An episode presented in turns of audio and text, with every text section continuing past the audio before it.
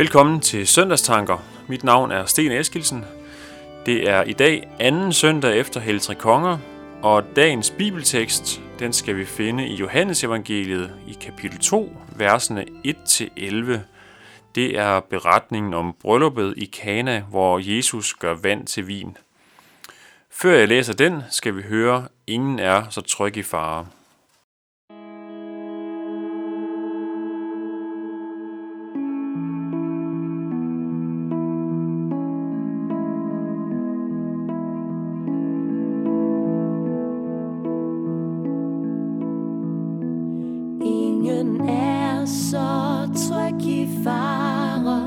Som Guds lille børneskare.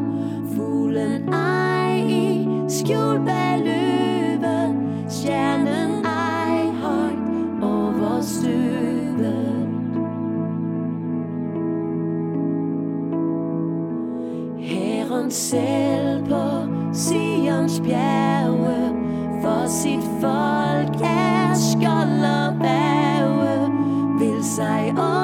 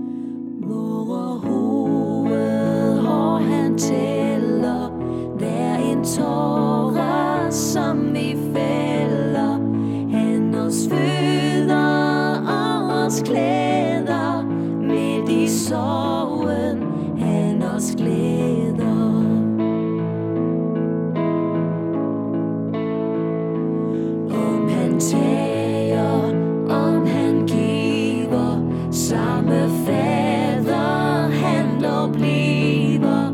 Og hans mål er kun det ene, barnets sande vil at tjene.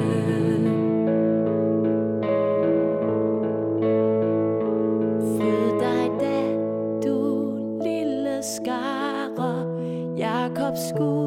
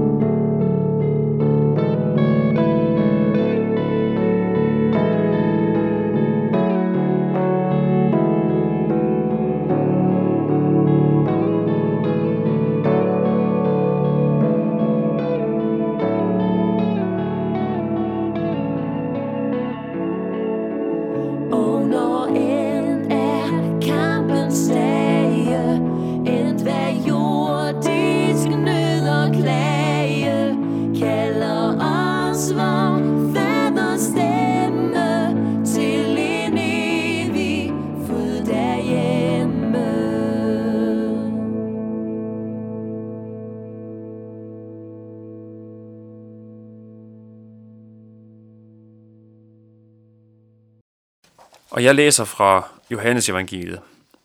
Den tredje dag var der bryllup i Kana i Galilea, og der var Jesu mor med. Også Jesus og hans disciple var indbudt til brylluppet. Men vinen slap op, og Jesu mor sagde til ham, de har ikke mere vin. Jesus sagde til hende, hvad ved du mig, kvinde? Min time er endnu ikke kommet. Hans mor sagde til tjenerne, gør hvad som helst han siger til jer. Der var der seks kar, vandkar af sten. De stod der efter jødernes regler for renselse og rummede hver to til tre spande. Jesus sagde til dem, fyld karrene med vand, og de fyldte dem helt op. Og han sagde til dem, øs nu op og bær det hen til skafferen. Det gjorde de så.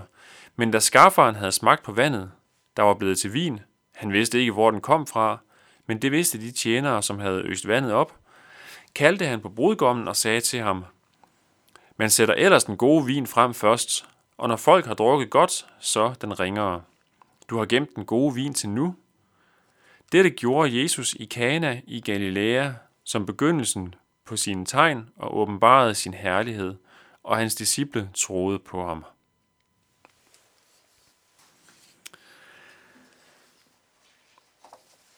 Teksten her var fra Johannes Evangeliets kapitel 2. I kapitel 1, der hører vi om tre forskellige ting. Vi hører om, hvordan Jesus bliver menneske. Vi hører om Jesu dåb, og så hører vi, at Jesus kalder sine disciple. Nu i kapitel 2 er der gået nogle få dage efter kaldelsen af disciplene, og Jesus og hans disciple og hans mor var inviteret med til det samme bryllup. Og hvad er det så, der sker? Jo, vinen slipper op. Sikkert en hver værts værste mareridt. Men Jesus, han løser meget problemet. Han løser problemet. Og det er jo meget godt klaret, kan man sige. Men hvorfor er det en beretning, der er så vigtig, at den er med i Bibelen? Og så vigtig, at der i dag skal prædikes om den i landets kirker? Ja, det er jo sådan set ikke det, at Jesus laver vand til vin, der er det særlige. For med den viden, vi har om Jesus og hvad han ellers har gjort, så er det jo ikke noget specielt. Nej, det der er interessant, det er jo hvorfor Jesus han gjorde, som han gjorde. Det siger teksten kun indirekte. I det sidste vers, der står, Dette gjorde Jesus i Kana i Galilea som begyndelsen på sine tegn og åbenbarede sin herlighed, og hans disciple troede på ham. Verset fortæller, at Jesus åbenbarede sin herlighed, og at disciplene troede ham. Læser vi videre i Johannes evangeliet, finder vi en slags nøgle til det her vers og teksten her, når vi nærmer os slutningen af evangeliet. Helt henne i kapitel 20, der skriver Johannes nemlig om hele sin beretning, om hele evangeliet, at den er skrevet for, at I skal tro, at Jesus er Kristus, Guds søn, og for at I, når I tror, skal have liv i hans navn. Det er fra kapitel 20, vers 31 i Johannes evangeliet. Hele Johannes evangeliet er altså skrevet for at vise, at Jesus er Kristus, Guds søn, frelseren.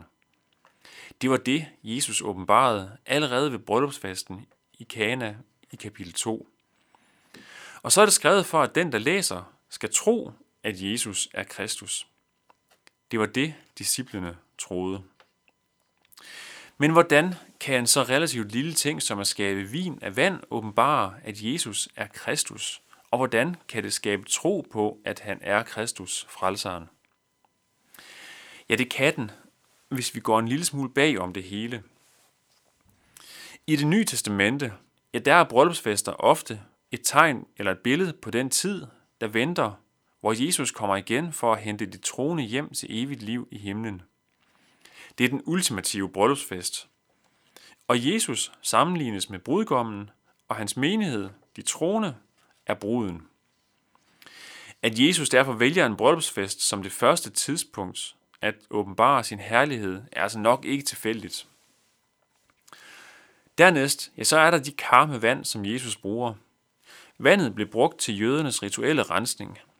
Jesus han kom som den, der opfyldte den jødiske lov, og som dermed gjorde op med en lang række regler for renselse, spiseregler, regler for ofringer og en hel masse andet. At han gjorde den rituelle vand til vin, er således et tegn, der peger på den nye pagt, som Jesus kommer med, og som vi jo netop forbinder vin med i nadvaren, når det siges, at denne kalk er den nye pagt ved mit blod. Sikken bryllupsfest. Om ret mange af deltagerne dengang opdagede, hvad der egentlig skete, ja det ved jeg selvfølgelig ikke, Men når vi nu kender Jesus og kan forstå hans tegn, kan jeg kun sige, sikke et bryllup. Og så glæde mig til den store bryllupsfest i himlen, som det hele peger hen imod. Den bryllupsfest skal vi nu høre en salme om. Vi skal slutte af med at høre salmen, ja en gang mine øjne skal. Tak for i dag, og på genhør i næste uge.